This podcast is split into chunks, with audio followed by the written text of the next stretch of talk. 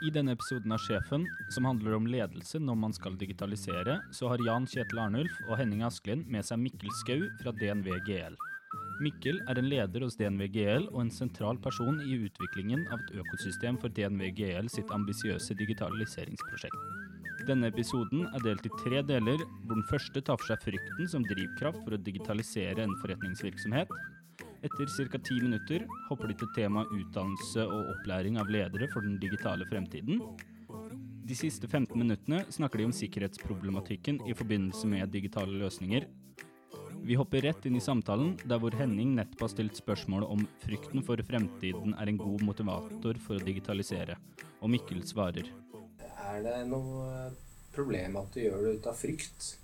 Altså hvis du tar eh, si, Hvis jeg skal representere frykten til DMGL satt i mine ord, da.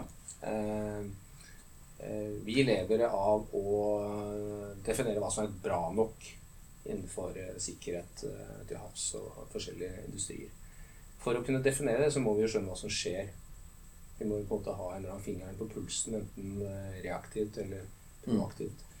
Mm. og når eh, på en måte definisjonen eller på en måte beskrivelsen av det som skjer, blir digital, hvis vi da ikke har tilgang til den informasjonen, så vil jo ikke vi kunne si hva som er bra nok om ti år, f.eks. Da. da er vi out of business. Vi kan ikke lage regelutvikling, er jo et av våre produkter, f.eks. i Maritim. Eh, hvordan kan vi lage fremtidens regler uten å ha tilgang til eh, de dataene som beskriver hva som skjer? da. Ja. Eh, og da, da, da kan du rett og slett bare Ja, hvis, hvis det å være out of business gir deg litt frykt, da, så er det god motivasjon, tenker jeg. jo, men altså, det er jo det, det, så Du kan vri denne altså, den frykten, Og det samme med, med som jeg nevnte, software-bransjen. Hvis, du er- hvis du er redd for at du Hvis du ikke følger med, så, så har du ikke nok kompetanse til å få deg en godt betalt jobb. Mm. Det er jo en, det er jo en fryktdrevet eh, Og så det, blir du selvfølgelig interessert i faget osv., men den frykt, litt frykt, det tror jeg er sunt. Ja, det tror jeg. Altså, jeg, tror, jeg tror også litt frykt er sunt. Og det å skjønne at det brenner, det tror jeg er, eh, er definitivt sunt. Men jeg tror fortsatt at det er en del ting som utvikles med litt kjærlighet. Det vil si at det, det er kulere at det er kult, enn at, eh, at noen er redd etter corner. Du, du sa jo det, Mikkel, at du jobba veldig mye med websidene til DNVGL en periode. Fra 99 og oppover. Brukte ekstremt mye tid på det. Eller Ja. som du, du Ja, jeg jobbet med, jobbet med å lage, lage softwarehus, da, som Ja. lagde i, i og for seg ingeniørapplikasjoner. Vi hadde også noen internettjenester. Ja, og hvor du brukte en del av tiden inn på det i, i over lengre tid. Og da, da gjør du jo ikke det ut ifra jeg, jeg, jeg kjenner jo ikke deg så godt, men jeg kan godt tenke meg at du, det, det irriterte deg at han var for dårlig til enhver tid, så du ville ha kvaliteten, ble du hadde ansvaret for den. Du hadde, du hadde et ønske om at det skulle være bra. Ja, altså det, det som var min motivasjon, det er altså Jeg har holdt på med datamaskiner siden jeg var liten, så jeg var, var ikke drevet av frykt. Jeg Nei, det var det jeg jeg var drevet av, av interesse for å, å Eller jeg har alltid hatt en ønske om å kunne være med på å skape en bedrift som lager produkter som utkonkurrerer USA. Ja, ikke sant? Så enkelt fra Norge. Og det er for jeg har visst at det har skjedd før. Mm. I og med at jeg vokste opp i kjølvannet av norsk data. Så det, det var min motivasjon, og det har jeg sett at det er mulig å gjøre i DNVGL. For Ja. vi er en sånn bedrift eh, som faktisk kan i i visse segmenter bli, være verdens beste på noen ting. Så det var ikke fryktdrevet. Nei, og det, det, er, det er litt av det at vi, vi, har vel alle har vel en viss form for frykt. eh, Som dere sier, det fins jo alltid en viss form for angst. Eh, Men, men sånn i, i dag, hvis man skal selge inn digitalisering til bedrifter og ledere, så må man jo gjøre det om til noe, noe bra. For jeg, for jeg føler også det at i, i samfunnet i dag, så er det, eller den, den generelle debatten, så foregår det på det nivået at hvis du ikke, hvis du ikke digitaliserer nå, så er du død om fem til ti år. Liksom, det er liksom, det er Ja, konklusjonen. det er det er Men, men er, det, er, er det det som driver Er det det som skal drive, liksom? Det Nei, blir, jeg, jeg, litt tilbake til disse ingeniørprosjektene som jeg begynner å se litt sånn eh, konturene av hos oss. da. Det er jo med en gang man kommer, eh, kommer dit som vi er, er litt nå, så får du ikke en fryktdrevet situasjon. Da er det på en måte en, en sånn added value. Mm Eh, og jeg, er veldig godt humør for tiden, for jeg ser at det Og det har jeg egentlig trodd at det er mulig å få til skal si, digitaliseringselement og, og teknikker eller teknologi, men også leveransemodeller som, som beriker eksisterende kompetanse. Eh, og det ser jeg det skjer. Uh, og da blir situasjonen noe helt annet. Og det er en endring som har kommet hos oss det siste, si, siste halve året. Ja. Uh, men det har jo også med at det er først nå de, på en måte, den, den leveransemodellen og den teknikken som vi har i min, min organisasjon, er moden nok.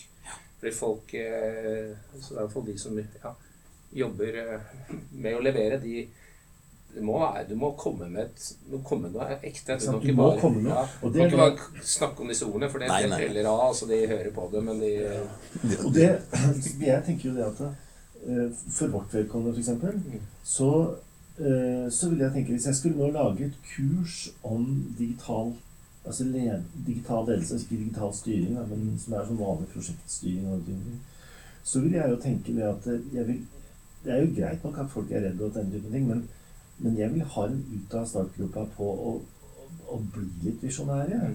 Men det er det å være visjonær under en økt usikkerhet. Da. Hvor, hvor, for det som jeg syns du sa veldig tydelig til Ulrikke, var at det, normalt så ville de kanskje ha stoppa oss, begynt å trekke proppen ut av prosjekter.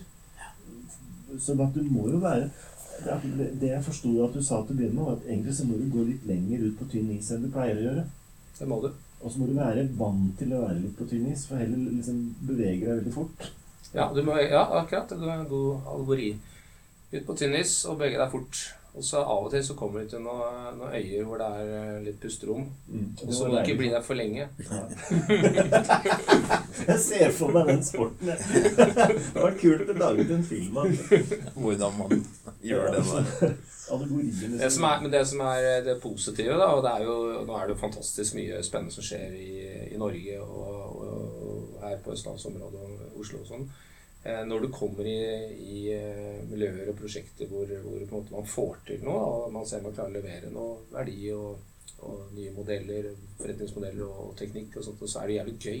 Mm. De menneskene som er der, er jo dødskule å jobbe med. Mm. Mm. Eh, både og det teamet vi har, er jo eh, en miks av seniorer som har vært med liksom, i en mannsalder, som er helt avgjørende, og, og den unge, nye vinen. Mm. Og du trenger begge deler. Og vi har også en del folk som, eh, som bl.a. blant annet eh, sjefen i Verksted, som ikke er, kommer fra sånn ingenjering eh, Mm. kultur, helt annen bakgrunn, eh, som utfordrer meg masse. Det er jo det er den miksen av liksom erfaring eh, og, og nye folk, og så litt annen type kompetanse.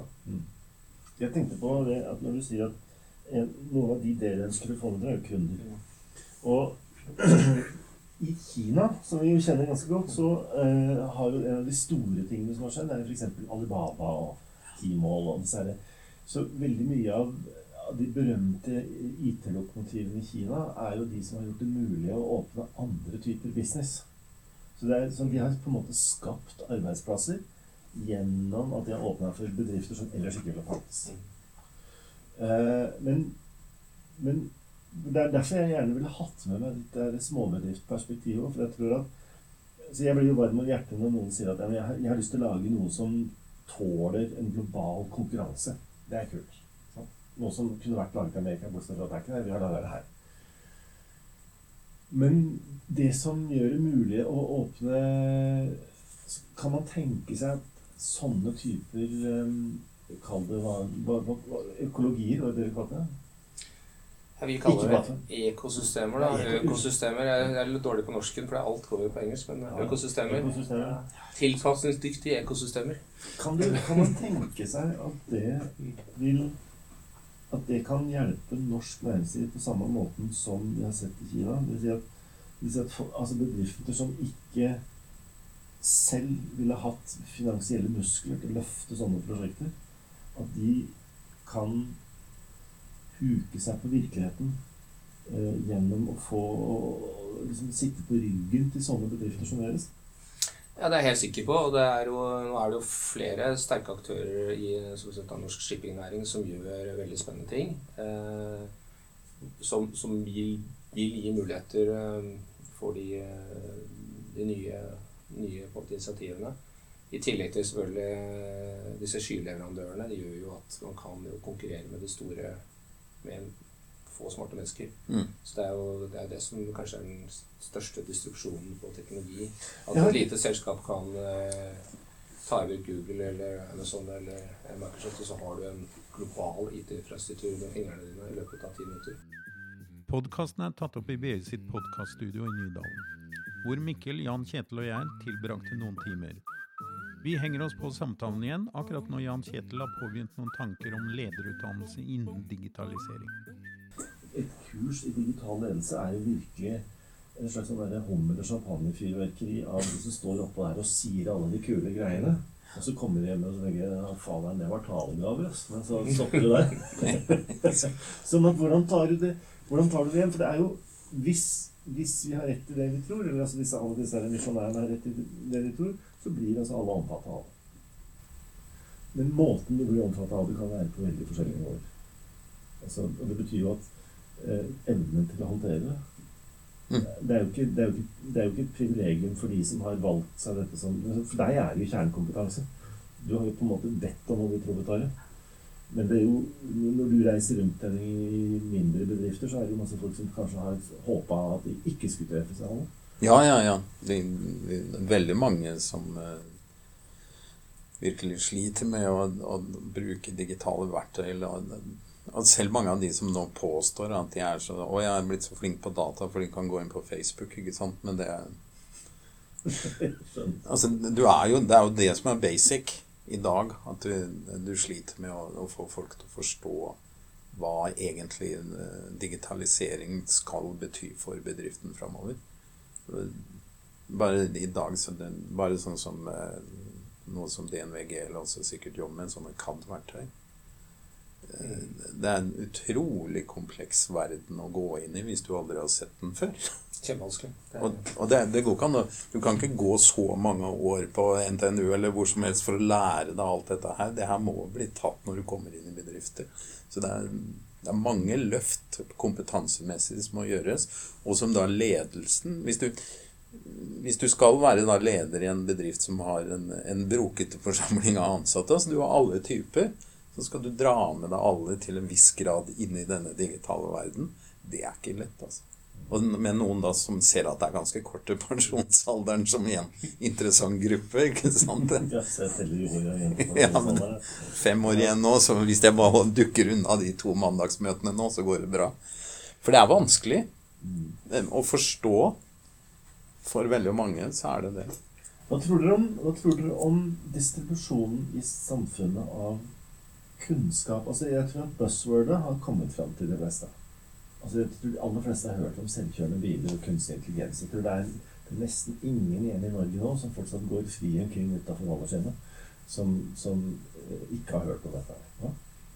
Men, men er dette noe som eh, For å ta et sånn annet parallelt eksempel, så er det sånn at eh, de aller fleste mennesker i Norge har hørt om Apple.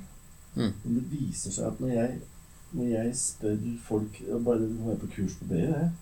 At eh, jeg kan ta opp en, en iPhone og så spørre folk om de liksom husker Macintosh og liksom skjebnen til Steve Jobs og disse tingene, så viser det seg at det er ikke, du skal være litt spesielt interessert fortsatt for å vite disse tingene. Jeg folk veit ikke Kjenner ikke historien bak hvordan disse tingene oppsto, hvorfor de Nei, plutselig det, det er ikke så rart. For det er jo ikke Hvis alle var interessert i det, så hadde jo kanskje blitt litt spesiell.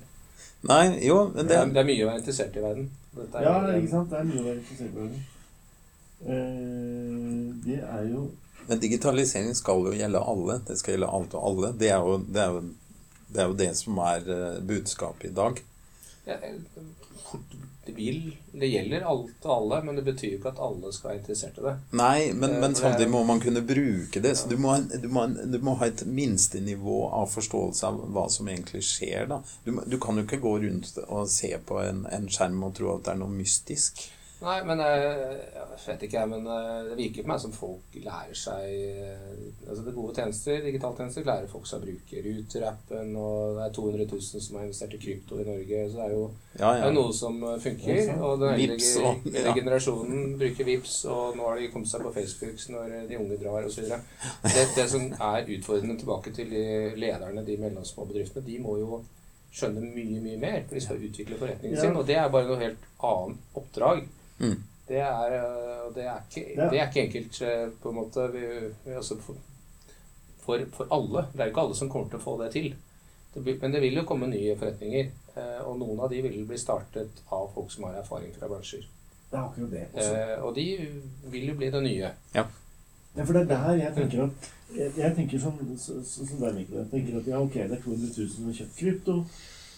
Bestefar kommer seg på Facebook. altså sånn til- Tilsynelatende så veit folk mye om dette. Men det er det jeg føler at for første gang også, kanskje siden det er noen ganger siden industrialismen, så er det et ganske stort gap mellom det å kunne noen buzzwords og det å skjønne hva som ligger under der. Og der kommer også litt angsten fra. Og det lurer jeg på. Vi har jo sett på nært hold sikkert alle sammen. Hvordan det er mulig for en bedrift å gå all in og bruke masse penger på noe som er bortkasta tid. Mm. Det- For det er der smerten kommer. ikke sant? Altså, de, ja, Nå skulle jo være digital, og så har du kjøpt den der appen der. Det kosta å utvikle den. Nei, der gikk resten av budsjettet, gitt.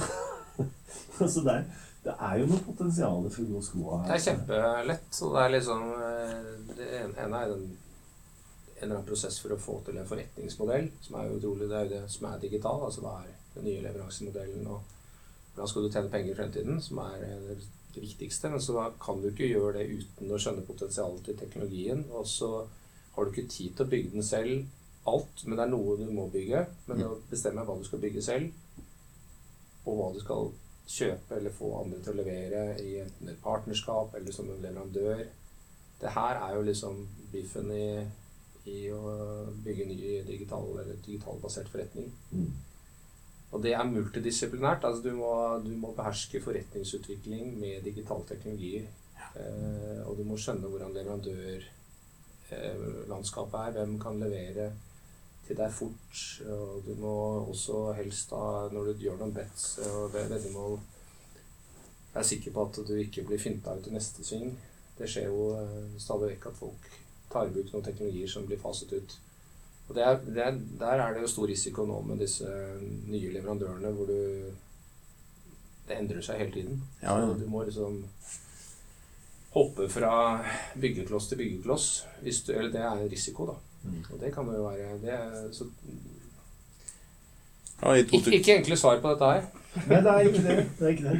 I 2008 så kom jo var jo i, eh, Microsoft hadde jo denne Silverlight-modulen sin. Den skulle de kjøre hardt. Det skulle være framtiden. Og det var jo noen eh, små, hyggelige software-selskaper i Norge som hev seg på, for den var jo kjempespennende. Og så plutselig Ja, det er noen år siden nå, men da var det den end of life. Den skulle ikke brukes lenger. Og da du putta pengene dine i, i, i feil kasse i Microsoft sin eh, Lego-boks. Vi har en ekte historie på den. Eh, Jeg fulgte det veldig tett eh, når jeg satt som teknisk sjef i Soft- Softhuset. Og vi var jo da i Las Vegas på Mix hvert år for å se på utviklingen av, av eh, For det var konkurrent Adobe. Ja. Eh, Og valgte da eh, å ikke bruke det, eller prøve å begrense bruken av det, eh, fordi det skjedde mye på webstandardisering. Ja. Og så i 2013 så slo vi oss sammen med Germanische Lloyds, eh, hvor det var en annen softwareprodukt som kom inn, og de, de hadde tatt i bruk Silverlight eh, ett år etter at Microsoft hadde ut, eh, måte sagt at de kom til å stoppe utviklingen av Silverlight. Eh, og det var tre år, to, ja, to og et halvt års investeringsprosjekt som de har kjørt. Så vi måtte bare skrape. Veldig bra software, egentlig. Kjempebra Ja, ja. software. God, og det er bedre enn det vi hadde. Men eh, fordi at de bomma på å følge med på den tekniske eh, roadmapen til Microsoft, så var den investeringen bare ned i ro. Det krever eh, da Men her er også muligheter, da. Eh, Fordi de som For å kunne da bygge ta i bruk teknologi, så må du ha en, eh, en, en, en følelse med hvor lenge den teknologien varer, eventuelt ha en strategi for å gå bort fra den. Ja. Så det er mange, mul ja, så det er mange, mul- det er mange Ja, det, er det er jo en av grunnene til at du må velge hva du skal bygge selv, Mm. og hva du ikke skal bygge selv. Altså, dette er kjernemateriale. Dette må vi alltid ha. Dette må vi alltid kunne presentere til kundene våre. Det må vi bygge selv. Altså, det er jo ikke hver gang en ren sånn kjøp-salg økonomisk bakgrunn for det valget. Det er jo også et, et sånn eh, kontinuitets-, sikkerhets... Og da, og da, jeg bare si det, for da kommer du inn på litt kjøps, innkjøpsprosessen din da, og, og modellen din. Kjøper du en, en funksjonalitet, altså en, en, en tjeneste, eller kjøper du teknologi? Så hvis du kjøper en tjeneste eh, som gjør en eh, forretningsfunksjon, så er det leverandøren sitt ansvar å passe på at den teknologien eh, kjører. Da må du bare ha krav til oppetid og altså de funksjonelle kravene. Eh, og da må leverandøren passe på alt det vi snakker om nå. Ja. Hvis du kjøper teknologi, så blir du ansvarlig. Ja. Eh, og det er mye vanskeligere. Det krever mer ressurser og reising og Bare, bare sånn som forskningen hos oss altså Det er et sånt eksempel for meg det er at veldig mange av forskerne våre de er jo en kompetanse som det er veldig tar lang tid å utvikle, er veldig dyrt. Altså det å få noen til å få gjennom en doktorgrad, og så har de en doktorgrad i noe som er sært nok i seg selv, da har du dem, og da, der, der sitter de, og de er da veldig ofte hjernevaska på de eh, forskningsteknologiene som de har brukt. Da. Det er ikke så lett å få dem over på andre instrumenter. Statistisk software for eksempel, er gjerne sånn som det sitter så i fingra på deg måten å tenke på at det får du ikke vekk. Så eh, er vi kommet dit nå at eh, vi kan se at veldig mye av den forskningssoftwaren som kommer, den danker ut alt det som våre gamle forskere på en måte har. Det er, de får, det er åpne løsninger og ting som sant? Gratis shareware og det, det Men de klarer ikke å bruke dem. For det, det, du skal ha ganske mye programmeringsteknisk kunnskap for å forstå det. Og når du til alt over så fikk vi da noen folk fra den yngre garden som er i stand til å bruke det, og, og sånn at det er stor skepsis mot de eldre. Så plutselig dukker det opp en helt ny fyr og sier ja, men hvorfor har vi kjøpt disse her serverne? Kan jo bare bruke en um, Amazon-lisens og så sette opp en virtuell server. Og så her går jeg bare ser på dette vinduet her. ikke sant? Nå kjører hele den serveren den satte opp der, og så visker han seg ut når den er ferdig. må, må vi eie det, ikke sant? Ja, ja. Så dette her er i forhold til vår, for eksempel vår business, da. Det kan jeg se. Det, det er Kunnskapsdepartementet og mange forskerindustrier i verden. Dette kommer de ikke i gang Dette er ikke sitt problem. Dette er et, dette er et stort samfunnsproblem. Altså. Som jeg tror, tenker det skal bli spennende å se. Men jeg vet ikke når forskningsledelsen i Norge skjønner dette her, for. Det er, det er, det er sånn, jeg, jeg kan se at det er sånne lommer av kan si, relativt tungdrevne samfunnsdisipliner som virkelig sliter å henge etter her. Ja, for det går, det går for fort, og, og da får vi det problemet at du må ha særdeles Du må ha interesse for det for i dag å henge sånn noenlunde med, og det er ikke sikkert du klarer det da engang. Og hvis du da skal forvente at mennesker som i bunn og grunn har interesse for andre fagfelt, i tillegg skal måtte løfte seg selv opp til et, et så godt nivå at de kan ta i bruk nye, smarte løsninger, og særlig da eh, bransjeløsninger som kanskje ikke er superbrukervennlige. De har ikke fokusert veldig på det, men fokusert på den bakenforliggende funksjonaliteten. Det er et kjempeløft innen eh, utdannelse. Ja. Da får du sånne løsninger som eh, Shopify, da. Sånn at eh, teknisk eh, kompetent selskap de lager da en, en plattform for e-commerce som alle kan bruke. Mm. Sønnen min brukte det her i fjor og lagde en, sin første butikk Ja. med litt eh, HTML og javascript-forståelse og litt modellering av eh, hvordan du sender pakker gjennom posten. Så lagde han et, eh, en butikk Ja. eh, hvor 95 er på en måte gjort av den, eh, den plattformen. Eh, og det er jo da Og da, kan, da får du på en måte kan si, digitalisert en, en butikk. Ja. butikk, og så er det de som lager de plattformene, de tjener mye penger. Så det som er litt synd i dag, er at veldig mange av de, de plattformteknologiene er laget i, ikke laget i Norge. Det Nei. lages så mye i USA. Eh, Veldig mye i California. Ja, flere steder. Det er ikke bare California. Men, men det, er, det er jo ikke noe, egentlig noen grunn til at det skal eh, Ok, Norge er et lite marked, men eh, liksom at ikke Europa, Frankrike og Tyskland hadde klart å, å lage et eh, Altså, det skjer i Kina, selvfølgelig. Der skjer det. Det du også. Ja, det vet du jo. Ja, ja. Altså, men eh, det som jeg har lurt på i Kina noen ganger, altså det, det, jeg vet ikke det, det, er, det har vært et mysterium for meg bestandig, og det er at programmeringsspråk er jo nesten alltid engelsk. Altså det er adaptert til engelsk. Ja. Jeg har alltid lurt meg prøvd å finne ut av det. Altså hvis du programmerer Du kan ikke ha et kinesisk programmeringsspråk. Fins det? Ja, Det fins jo helt sikkert. Men det er spørsmål om hvor eh, effektivt det er å bruke, og hva, slags er problemer altså, løser det. Ja, ikke sant? Så, så det jeg synes er veldig det som jeg synes er litt sånn stilig å tenke på, er jo om det, om det fins massevis av eh, kids der ute som egentlig snakker språk som egentlig bare er programmeringsspråk. For det, dette er jo Hvis du er Hvis du er sånn derre ja, En ung programmeringspire i Kina og programmerer dine egne løsninger eller holder på, så må du jo snakke et språk altså, Du snakker et programmeringsspråk som er veldig fjernt fra ditt eget. Ja. Altså det, det må jo være Men det tror jeg at det oppstår sånne communities nå, som antagelig er helt like bra med det. For at de snakker flytende da, det programmeringsspråket som de har mest bruk for. Det er jo en historie til disse programmeringsspråkene, for de slekter jo egentlig på hverandre alle sammen. De kommer jo, I prinsipp så kommer de jo fra, altså fra den gang vi oppfant halvleder, eller i og for seg litt før det. Men, men de slekter jo på hverandre. Sånn som eh, noe av det første innen objektorientert programmering ble jo utvikla på Oslo universitet. Det var Simula, det kan jeg programmere. Ja, jeg kunne men det, ja, det er også på engelsk. Og så ble det, dro han eh, dro det til København, så ble det vel Small Talk som var innom det, og så var det vel han C++ er vel blanda borti det til syvende Så det, her er det mye som henger sammen. Og det er jo disse, det, er, det er morsomt da når du sier det der, for det er alltid å si det if, then, else. Ja, ja. Det er liksom disse tre artige som De kommer stort sett igjen Ja, og det er jo- hele veien, ikke sant? Det er basert på, ikke sant? Det er basert på, hvert fall på et indoeuropeisk språk. Da.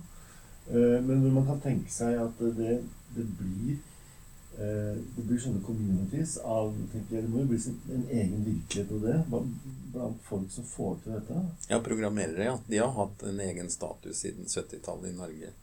Ja, ja, og sikkert rundt omkring i verden. Ja. Så jeg har lurt på Men, men eh, jeg, jeg tror kanskje Hvis du, du snakket med liksom kineser og det, på en måte det engelskorienterte språklige bibliotekene som da representerer eh, hva, altså, hva måte, du får til med språket det, i, Vi jobber masse med kinesiske soft- softwareutviklere, og eh, de har jo ikke noe problem med dette i det hele tatt. Så, så terskelen er mye større for en person som ikke har eh, skjønner logikken til programmeringsspråk, og forholder seg til programmeringsspråk, uansett hvilket språk du har, enn det er for kinesere som er på en måte logisk orienterte og, eh, og matematisk orienterte, å lære seg et språk som er Logisk hvor ren syntaksen er både engelsk eh, i og for seg, for det er jo det minste problemet. Det er jo, det er jo Ja. Så jeg tror der er større terskel. Mm. Antagelig. Men det sier jo litt det er derfor jeg tenker at det sier litt igjen om F.eks. når du sier at ja, man kan flykte inn i Uh, fra programmering og inn i arkitektur, og fra arkitektur over i businessmodellen, og så er det på en måte herlig. Det er deilig. Men, men det, det ligger noe teknologiforståelse, tenker jeg, også i, i å forstå altså Jeg har jo lært dette en gang i tida, og vil påstå at min kontinuerlige interesse for temaet skyldes jo utdatert, men samtidig fungerende grunnleggende programmeringserfaring. Det er lettere hvis du kan litt, enn hvis du kan ikke noe. Ja.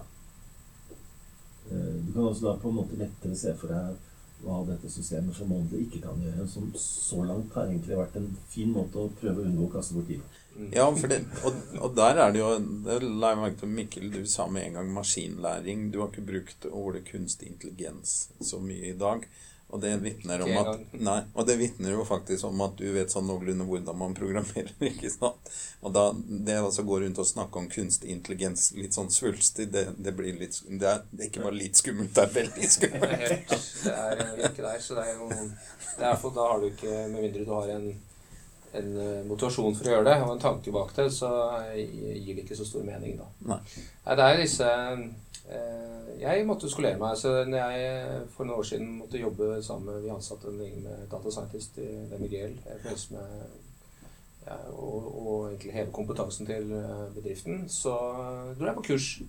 En ukes kurs oppe i, på Alnabru, eh, hvor det var en polsk data scientist som trente opp eh, meg og de som sitter med pris i forskjellige typer eh, kjeder i Norge. Og Skattøst var der, og oljefondet. Mye smartere mennesker og statistikere. Og min, min mål med det var ikke at jeg skulle bli data scientist, men jeg skulle snakke med data scientist, og jeg skulle også være med på å ansette noen, og egentlig å promotere de som jeg mente var viktig for oss, da. Ja. Og da må du lære deg språk. Eller du må lære Du må skjønne hva slags språk de snakker, og det var jo en, det var en stor Like stor eh, utfordring på en måte som det som kommer nå med eh, det de kaller service design, og, og være veldig sånn eh, brukersentrert i hvordan du bygger eh, kundereiser og sånt. Noen kan dette, men som en ingeniør som kommer fra en sånn beregningsbakgrunn, så er vi utrolig dårlige på det.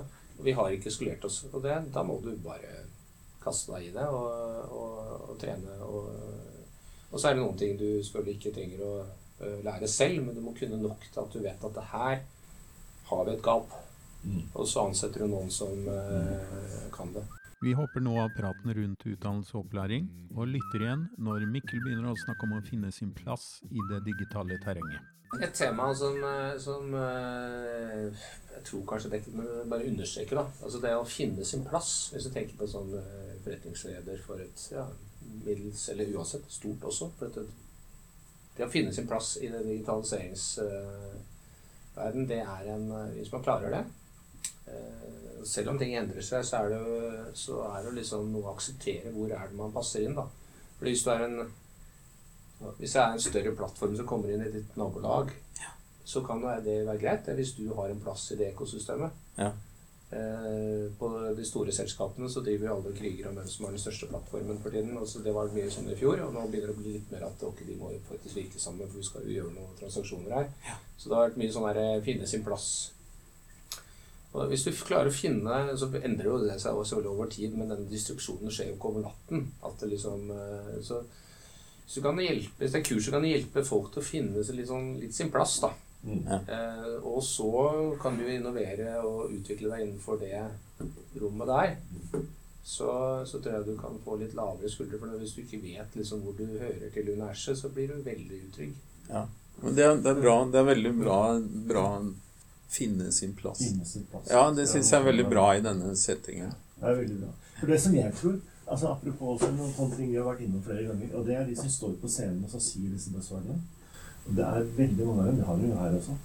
Eh, Det er veldig fort gjort å bli veldig arrogant på den måten at dette veit vi, for dette er sånn. Og så kommer en som bare veit alt. Men så, så er det sånn som vi snakker om, da, det er alle disse brukerne da, som kan komme og torpedere deg på, fra kanter av universet du ikke hadde regna med. Ja, og som, bare stiller, som rett og slett bare stiller krav til deg. Og, og, og ja, altså De kan til og med stille krav som ikke henger på greip i hele tatt. Det er jo faktisk en ganske vanlig bruker. Det, altså det, er, det, det står ikke noe i dokumentasjonen, men det, den burde ha gjort det. ja, jeg vet. Vi hadde litt sånn prosessinvasjon her i går, faktisk. Som er eh, Så jeg var litt synes jeg var morsomt. Vi hadde Vi inviterte inn Vi har en stor release til uka som vi har jobbet mye med. Og så inviterte vi inn eh, barna våre. Barna til de som jobber i Rasti, til å teste disse nye funksjonene. En kult, Så de hadde, hadde full brukertesting med masse kids ute på Høvik med pizza og kinobilletter som eh, betaling. Og så var, skulle de gjennom noen kundereiser. Da. Det evaluerte vi i dag, og det var masse, masse takeaways fra den eh, testingen. Ja, på, på brukergrensesnittet. Ja, ja, Ja, ja. og på eh, budskap som mangel på dårlig kommunikasjon. Knapper som var der, men som ingen så.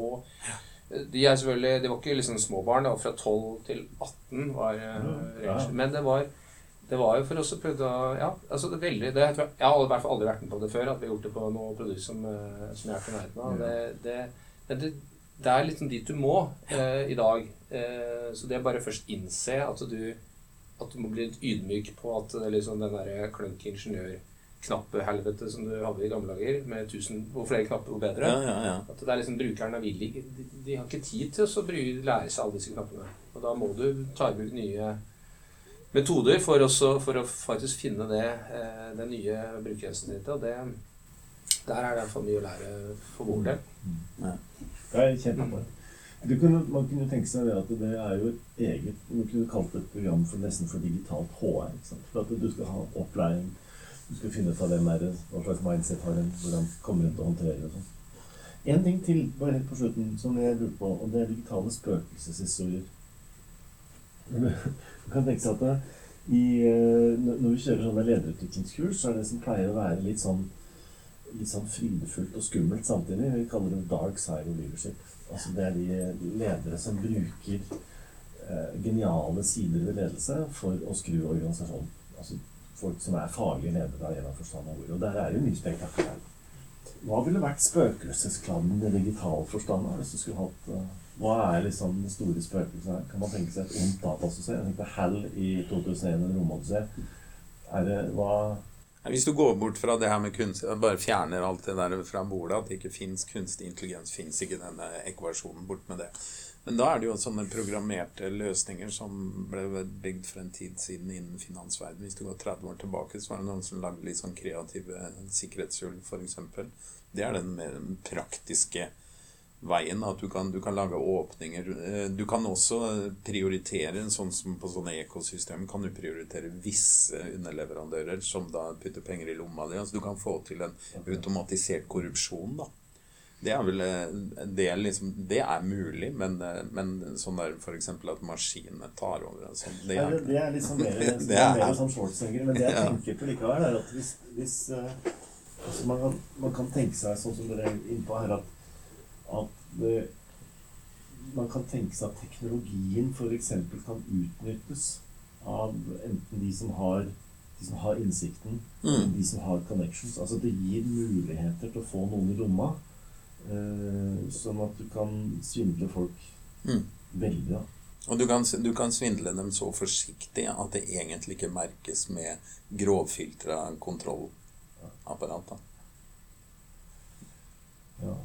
Har dere det i oppe sånn sikkerhet og kriminalitet og sånn? Er det en del av det, eller har du foreløpig holdt deg unna? Nei, eh, kriminalitet, det eh, de som er IT-ansvarlige hos oss, har jo det eh, hele tiden på radaren. Mm. For, men sikkerhet er jo en av hovedpilarene i, i det prosjektet mm. som vi kjører. Og vi bruker veldig mye ressurser på det.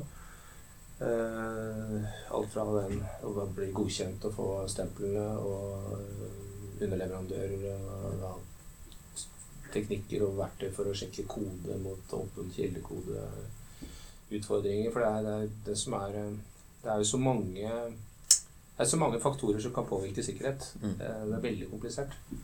Liksom, eh, og så har du selvfølgelig da den nye verden hvor på en måte skallsikkerhetsmodellen er jo ut, for du kjører jo skyen med mikrotjenester som, og de deployes globalt. Så det er, angrepsflaten er bare mye større, så du må sikre data i, i sikkerhet rundt dataene som flytter seg, og lagring og ja, er veldig mye rundt det.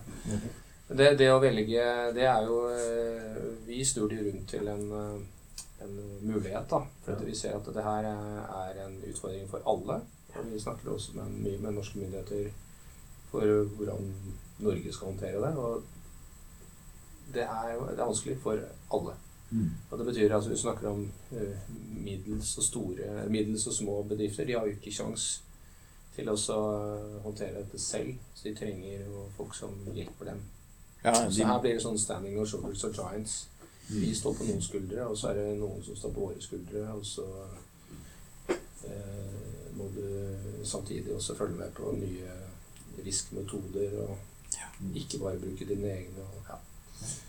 Det er en stor sak. Ja, det blir svært.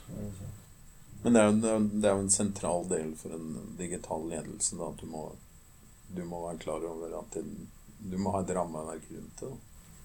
Ja, for det er det jeg tenker at det, det Jeg tror det er litt sånn som med sånn der, En av grunnene til at dette er farlig, at det blir som et sånn tryllekunstshow. Altså det, um, det å lage sånne systemer krever så mye oppmerksomhet. Det er fort gjort sånn som når, når noen stjeler skjorta her på scenen, så er det for at de får deg til å konsentrere veldig. Du merker ikke at du tar den ut av lomma di samtidig. på en måte. Mm. Og det, jeg tror nok at uh, disse skyggesidene ved å satse veldig på en type system er veldig sjelden du tenker så kraftig på organisasjonen. Det er jo derfor det er så rart altså når unger avdekker at ja, men folk forholder seg jo ikke sånn til systemet. Det er for at Mens du er inni det, så er det opplagt at dette er bra, dette er sånn som alle gjør. Og så etterpå så det kanskje ikke var sånn i dag. Det er, det, er, det, er også, det er jo et litt artig paradoks, det der. fordi at vi har jo før så hadde vi jo krav da noe så enkelt som å ta vare på regnskapsbilaget i disse små bedriftene. Og det gjelder jo også de store, selvfølgelig. Men, men, eh, Da hadde du jo permer på kontoret. Så låste du med vanlig sånn vinglås. Og så, og så var det permer med alt bilaget, da. Og så var det én kopi av alt. Eh, Det som stort sett skjedde, var vel at det kom en brann. For det var jo ikke noe, ikke noe rasjonell grunn til at, at noen skulle bryte seg inn og bruke dataen, med mindre du var på jakt etter noe spesifikt. Det var veldig få unntak. Men f.eks. regnskapsdata satt i system av en datamaskin, det vil jo være mer interessant å plukke fra flere av de små bedriftene. F.eks. konkurrerende elektrikerbedrift. Så, så det at vi har flytta det fra papir og inn i datamaskin, gjør det mye mer verdt Ja. som informasjon i seg selv. Så det som vi før kunne låse en sånn Ja, og så har du den, eh, den, den fysiske på en måte, lag- distribuerte lagringen. Den har jo noen uh, praktiske uh, eller så sikkerhetsegenskaper. At det, hvis du får et innbrudd, så er det bare de to kastene her som blir tatt. Mm. Eh, og i, hvis du gjør ting gærent, eller på en måte setter opp en dataarkitektur uh, hvor det motsatte skjer, at du har en bank Ja. ja, at hvor du kommer inn, så får du alt, Mm. så er det jo det risikoen eller konsekvensen for innbrudd er mye større. Mm. Så det er det som vi kaller sånn service isolation, er jo et sånn viktig prinsipp da, i skyarkitektur. sånn At du, at du eh, Hvis du så å si, barrierene rundt når data brytes ned, så, så kommer du bare inn til den, det arkivskapet som sto liksom på dokka. ja, som, Ikke hele Norge.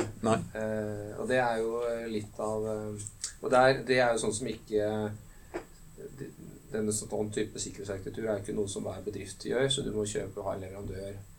Du må være tydelig på kravene dine, så må du ha en leverandør som kan levere på de kravene. Og det er utfordringen, og tilbake til ledelsesskoleringen Det å vite kravene dine, det er Der er folk ikke skolert. Så de klarer ikke å bestille riktige tingene. Nei. Eh, og noen ganger så er det greit at det lagres i, i eh, ikke sant, eh, Telenor Arena sammen med alle andre bare åpent. Andre ganger så er ikke det greit. Og det ene koster jo den eh, på en måte sikre, sikre modellen er dyrere. Ja, ja. det, da må du betale, men da er du villig til å betale. Det her er eh, altså, sånn ledelses Hvis du skal lære litt, da, så er det viktig å Jeg tror det er, det er viktig, viktig å lære litt hvordan du skal stille riktige krav. Der er jo, I de, små bedriftene er det enda verre, vil jeg påstå. For der har man jo altså Skyløsningen ble vel i sin tid etablert som et konsept fra Microsoft. Og Microsoft jeg mistenker har begynt å bruke ordet. Og de hadde en, en komplett idé som også inneholdt en totale sikkerhetsbilde når de lanserte dette her. Men så blir jo ordet er jo veldig fengende, så hever jo alle mulige små og mellomstore andre aktører seg på, deriblant den lokale, gamle serverhosteren, ASP-leverandøren.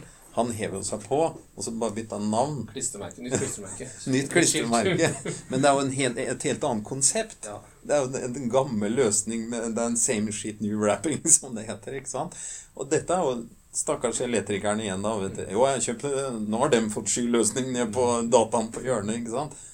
Men så er det jo den verden du lever i, som de kunne ha tenkt seg å titte på, men de er jo ikke forberedt på å betale. Nei, altså, nei, altså det, er ikke, det er ikke alltid at det er så dyrt heller. Men, men du har jo også en annen problemstilling at de skyleverandørene de eh, er ikke sikre by design. Nei, nei. Altså, de, er, eh, de, de har liksom en Det er veldig enkelt å komme i gang på startupene osv. Eh, og så må du jo putte på både arkitektur og, og sikkerhetsdesign for å få det industrigrade. Ja. Og det kommuniseres ikke fra eh, leverandørene, fordi de konkurrerer jo med Amazon og Microsoft. De kan konkurrere, og da få inn den startupen, så er det jo pris og verktøy. Men et sånt spøkelse som ligger litt fram i tid, men som, som vi ser, er jo, eh, er jo eh, Og det er relatert ikke til AI, men til eh, si, algoritmer som kjører på data. Da, som er jo en, en nåtidsproblemstilling. Eh, eh, hvis dataene på en måte ikke er det de sier at de skal være, si, eller de, de er annerledes eller eh, er feil, så vil jo da disse eh, anbefalingsmaskinene eh, anbefale gærne ting. Mm. Eller ikke anbefale, eller at det ikke fungerer ordentlig. Så det er, mye, det er gjort mye arbeid nå i industrien rundt datakvalitet. Og, og det, det her på en måte illusjonen rundt denne eh, maskinlærings- eller AI som, altså, Leverandørene pumper jo nå liksom artificial intelligence og verktøykasse på alle forretningsledere. Bare dytt dataene inn i en sånn der, eh, sjø, og så datasjø, og så putter du på den nye algoritmen, og så kommer det gull ut. Mm.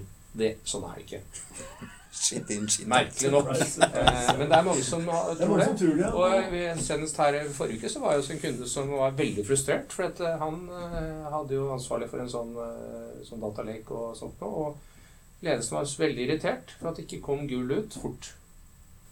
Og liksom data fra 1970. eh, Som de hadde fått inn da i en sånn datalek. Og som også vi eh, har. Altså vi teknologi for, men, men eh, det, er ikke så enkelt merkelig nok. Altså, det, er ikke, så altså, det er jo mye, mye markedsføring, markedsføringsteknikk ute og går her. Og det, og det treffer jo eh, disse lederne.